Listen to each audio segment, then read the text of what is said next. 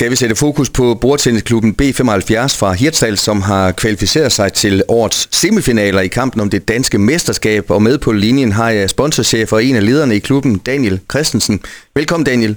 Mange tak. Man er nu over øh, de grundlæggende spillere skal til at spille de her øh, slutkampe.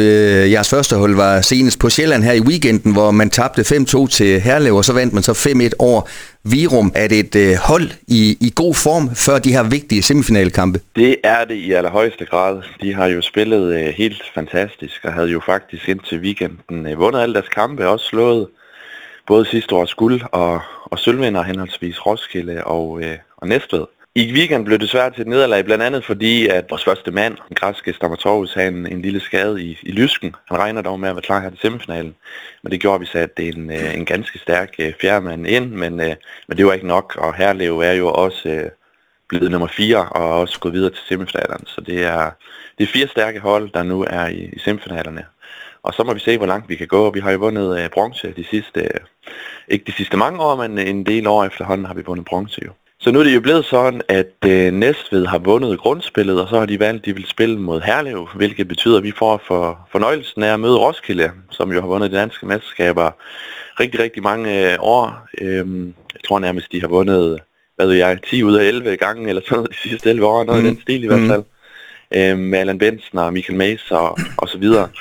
Så vi er lige nu ved at aftale med sportschefen Anna Benson. Det bliver nok en gang øh, start midt i næste uge faktisk, at de kommer til Hirtshals, så vi skal have en stor semifinalkamp. Og Daniel, øh, hvis man kigger på stillingen i, i grundspillet, så ser man faktisk de her fire hold, at alle sammen har faktisk tabt øh, kampe. Så det vidner om øh, måske nogle drabelige dueller, der venter nu. Ja, bestemt. Altså som sagt, lige præcis de her fire hold, de er rigtig, rigtig øh, stærke.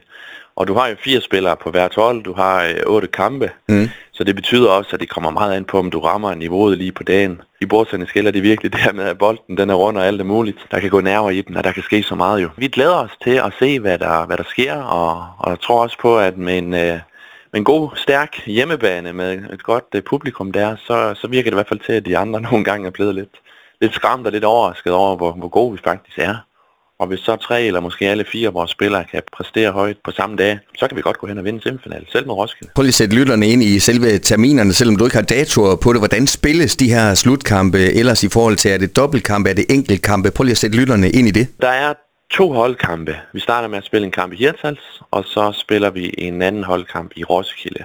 Og hvis det skulle ske det, at der ikke er fundet en vinder der, det vil sige, at hvert hold har vundet en kamp hver, der står 1-1, så spilles der en tredje afgørende kamp og det spilles så i Roskilde, fordi Roskilde var højere placeret i grundspillet, så får de den fordel, mm. at de får en eventuel tredje kamp uh, i Roskilde.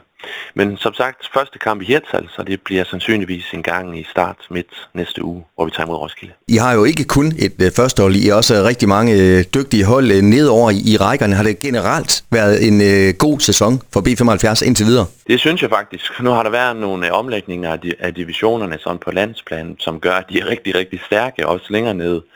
Så vi har et hold nede i anden division, som lige nu ligger på en tredje plads, og faktisk har mulighed for at rykke op i første division igen. Mm. Hvilket, øh, altså min egen personlige mening, det så svært ud inden, øh, inden start. Øh, Trelleborg er utrolig, utrolig stærk med tidligere landsholdsspillere, og så er det faktisk øh, pudsigt nok Roskildes øh, anden hold, som vi skal ligge og kæmpe med. Så kan vi blandt andet slå dem øh, i sidste runde her i slut april, så, så rykker vi faktisk op i første division med anholdet. Og så spiller jeg selv ned på 3. division. Vi er gået i oprykningsspillet, men øh, vi bliver i 3. division. Vi har ikke lige øh, ramt det helt store topniveau der.